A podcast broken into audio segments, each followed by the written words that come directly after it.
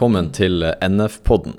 I dag så skal vi snakke om luftambulansetjenesten. Har du noen forhold til det, Gabriel? Nei, heldigvis ikke, får man kanskje si. Men eh, jeg kan tenke meg at de kanskje har noen utfordringer som er litt annerledes enn det ruteflygere har. Ja, det tror kanskje jeg òg med ja, kritisk syke pasienter. Og så har de jo et, um, absolutt et krevende operasjonsnett. Ja, det blir interessant å lære litt mer, og det er det vi skal gjøre i dag.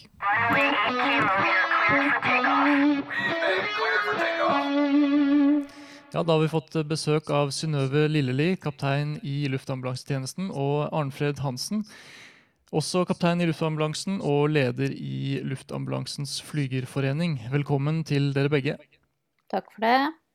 Først av alt, eh, kan dere forklare sånn kjapt hva jobben går ut på? Synnøve, vil du starte?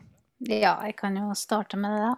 Vi eh, skal jo frakte pasienter da, fra sykehus eller til sykehus. Det er jo både primæroppdrag som skal opp på et høyere nivå, eller tilbakeføringsturer der pasienten ikke er i stand til å sette seg på et rutefly, da, men trenger medisinsk overvåkning. Så det er i hovedsak det det går ut på. Og uh, uansett vær og vind, holdt jeg på å si, eller uh, dere må jo forholde dere til de begrensningene som er på disse små flyplassene, gjerne? Ja, det er klart vi har jo uh, operative begrensninger som vi må overholde, men når det er sagt, så tåler jo dette flyet. Vi flyr veldig mye, så vi er jo ute i all slags vær likevel. Så er det jo, eh, som du er inne på, det er jo litt spesielle passasjerer dere har. Hvordan altså, tenker man som pilot over hvem det er man har med seg bak? Eller er det, det på en måte, oppleves det, det samme som, som, pilot om du har en, en, frisk eller en syk passasjer? Det er klart det er jo enkelte turer som gjør mer inntrykk eh, enn andre. Det er klart når du flyr med babyer f.eks., små barn, så treffer det litt hardere enn eh, andre turer. Vi flyr også en del eh, psykiatri der det kan være ganske tragiske skjebner. det, det setter jo også spor, så det er enkelte pasienter du eh, husker for livet. Og andre turer som ja, er helt greie, som man egentlig ikke tenker over når du har, har fått lasta ut pasienten, så er du klar for neste oppdrag, da. Mm. Når dere har eh, landa og på en måte avlevert eh, pasienten, vet dere noe mer om hvordan det går med de? Nei, det får jo ikke vi vite. Altså disse si, pasientopplysningene med de vi frakter, og hva som det, det, det slutter der og da. For eh, det er en del av helsevesenets kan du si, konfidensialitet. Da. Så det, det kjenner vi ikke til. Noen ganger så kunne det kanskje være godt å vite det, men eh, det, det privilegiet har vi dessverre ikke. Mm.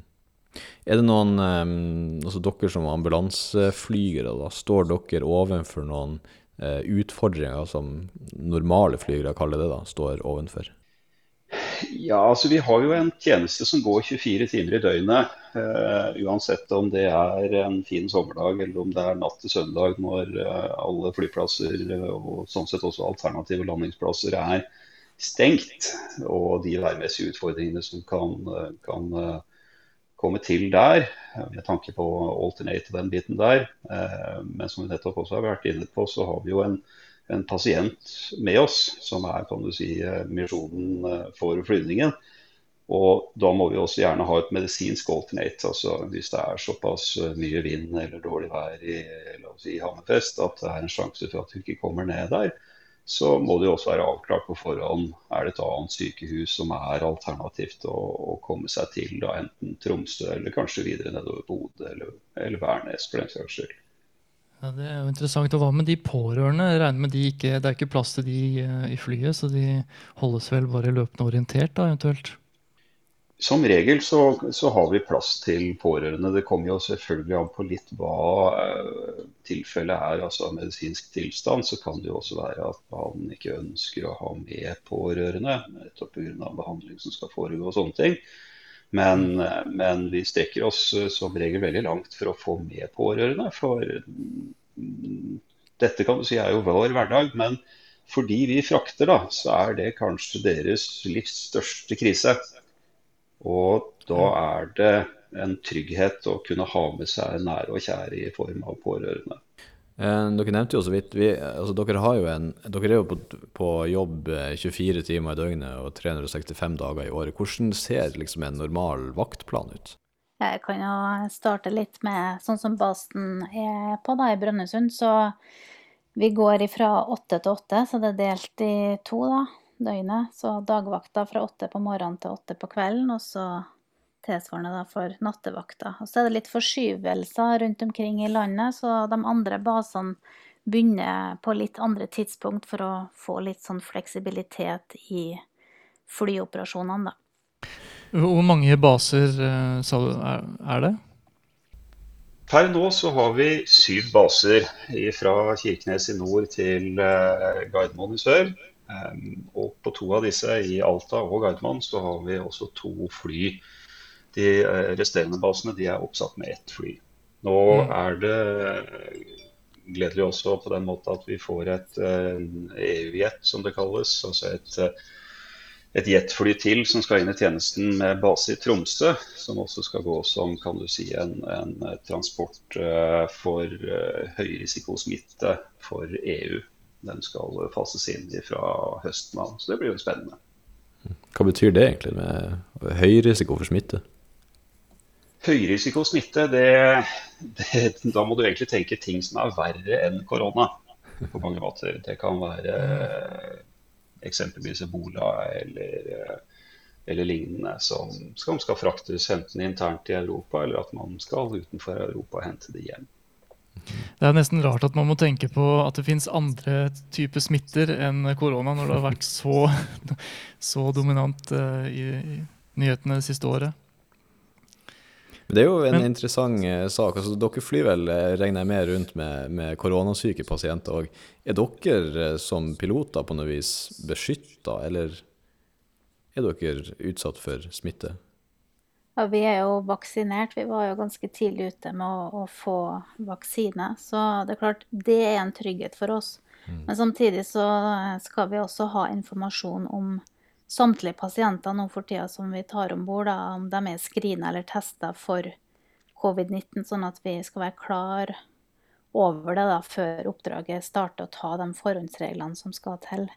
Men i tillegg så kjører vi jo ekstra hardt på det her med, med smitteforhåndsregler, og, og, bruker jo munnbind og, og hansker ved inn- og utlasting av pasienter.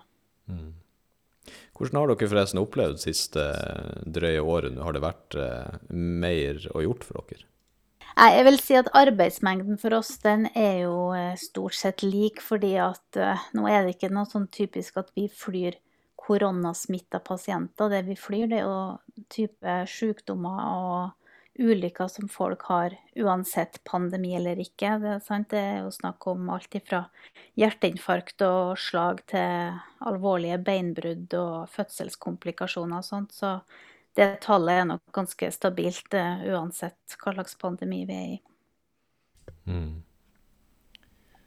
Hva med arbeidstid? Eh, sånn når dere flyr kritisk syke pasienter og, og kanskje blir sittende fast noe sted eller ikke kommer fram. Har dere sånn at dere må, må, slutte å jobbe hvis dere når en begrensning, eller har dere fritak litt sånn som legene på sykehuset, at de kan jobbe så lenge de er, at det er behov for dem? Vi er jo underlagt på mange måter det samme arbeidstidsreglementet som flyvere ellers. Vi har et par nasjonale tillempninger som, som gjør at vi kan eh, på ambulanseoppdrag, altså akutt Eh, eller hasteoppdrag, så kan vi utøke utöke flight duty med to timer eh, per dag. Så mm. det jo en robusthet sånn sett. Men nå er det jo også opp til kan du si, denne flykoordineringssentralen som, som styrer ambulanseflyene, å bruke den ressursen som er best egnet. Og det kan jo godt være at det ikke er nødvendigvis det nærmeste flyet, for det kan hende at de ikke har nok arbeidstid eller duty-tid igjen til å kunne gjennomføre oppdraget, men kanskje må hente et uh, som står en base lenger bort, da. kanskje en, en halvtime unna, men da får du i hvert fall gjennomført oppdraget. sånn sett. Men hvordan er det å fly eh, den, denne operasjonen på dette operasjonsnettet. Det er jo ganske, ganske spesielle forhold. Ja, det kan man jo si. Det er stor forskjell, i hvert fall fra når det er VFR og kjempefine dager. Du flyr inn til Mosjøen og Mo i Rana, f.eks., som er mine nærmeste kortbaneplasser, kontra de her eh, snøstormdagene der vi virkelig må, må jobbe hele veien inn. og da kanskje ikke kommer oss ned med spesielle prosedyrer for utklatring og, og go-around. og det, det, er krevende, men samtidig så er det, det er artig, da. For at du må virkelig jobbe og, og fly. Så det, det, er kjempespennende. Ja, fordi det er, det er Widerøe som jobber, flyr mest på disse plassene, også dere, da. De vet vi har noe spesialutstyr om bord som andre operatører ikke har. Men dere, jeg regner med dere da har tilsvarende? Ja, det er tilsvarende, men det er ikke samme type. Men det som ligger i bunnen her, det er jo at det krever en eh, spesiell tillatelse fra Avinor eller de lufthavnene vi, vi flyr på, der eh, man må ha gjort diverse typer treninger og har egne prosedyrer for inn- og utklatring. For det er jo ikke noe standard stars eller SIDS eh, inn til mange av dem her. og det, det, krever en del ekstra trening og, og kunnskap om lokale forhold da, når det gjelder vær og vind og, og turbulens osv. Altså Vi som ruteflygere vi, jo, eh, vi vet jo at man skal liksom ta seg tid, man skal ta seg god tid til å gjøre sine sjekklister og alle prosedyrer og alt sånt.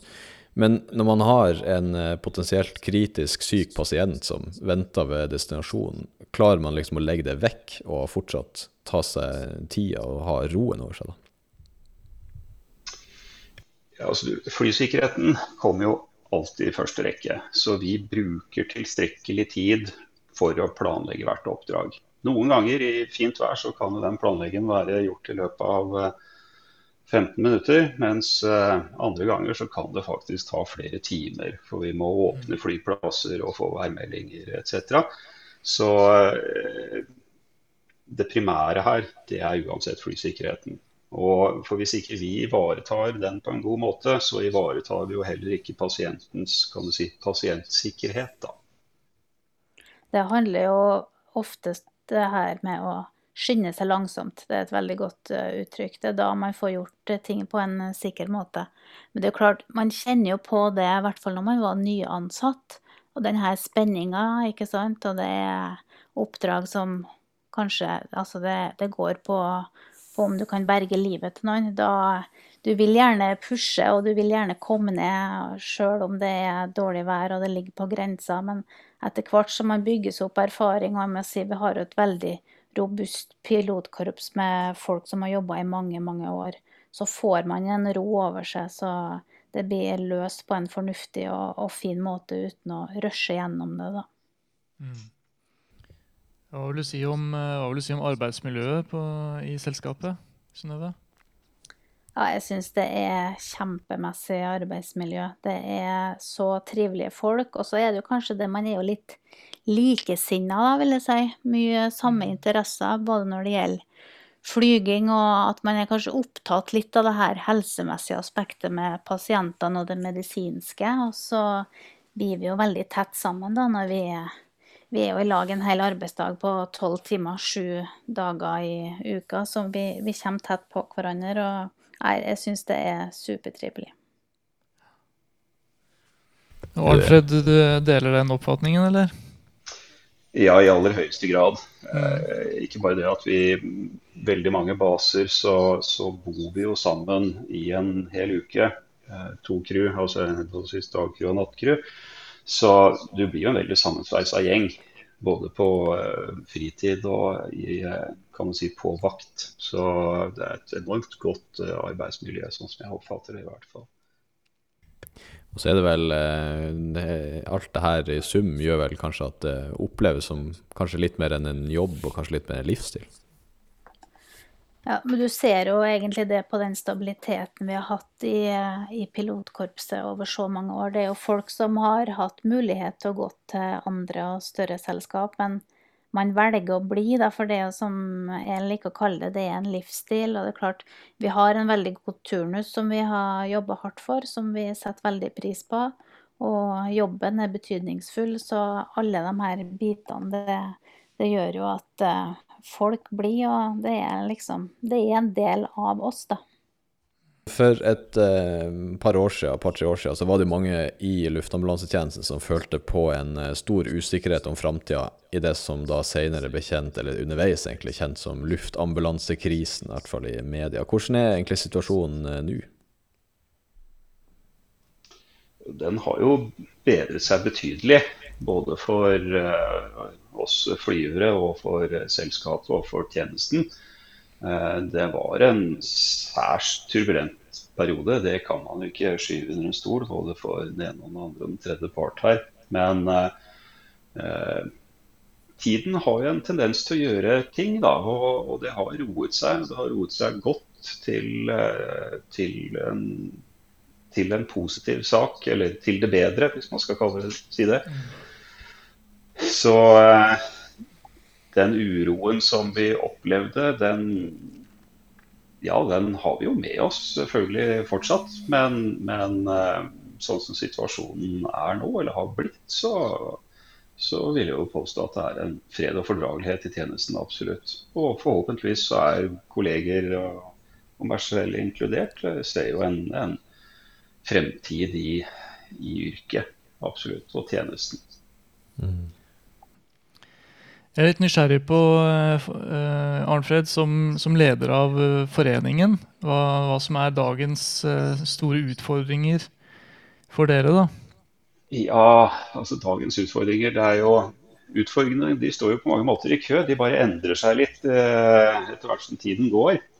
Så mm det vi eh, konkret jobber med nå, det er jo bl.a. Eh, innfasingen av, eh, av dette jetflyet i, i, Tromsø. Og hvordan det skal bemannes, og hvordan arbeidssystem det skal bli, og hva slags rammevilkår etc. som skal ligge rundt det. Så det er egentlig det som opptar kan du si, disse dagene her, da, for min del. Um, hva vil du si er liksom helsetilstanden på, på dagens luftambulansetilbud? Jo, eh, helsetilstanden på ambulansetilbudet nå, det opplever jeg i hvert fall som veldig godt. Det har en robusthet i tjenesten som, eh, som vi hadde før også operatørbyttet. Så den håper jeg vil bestå i, i lang tid også.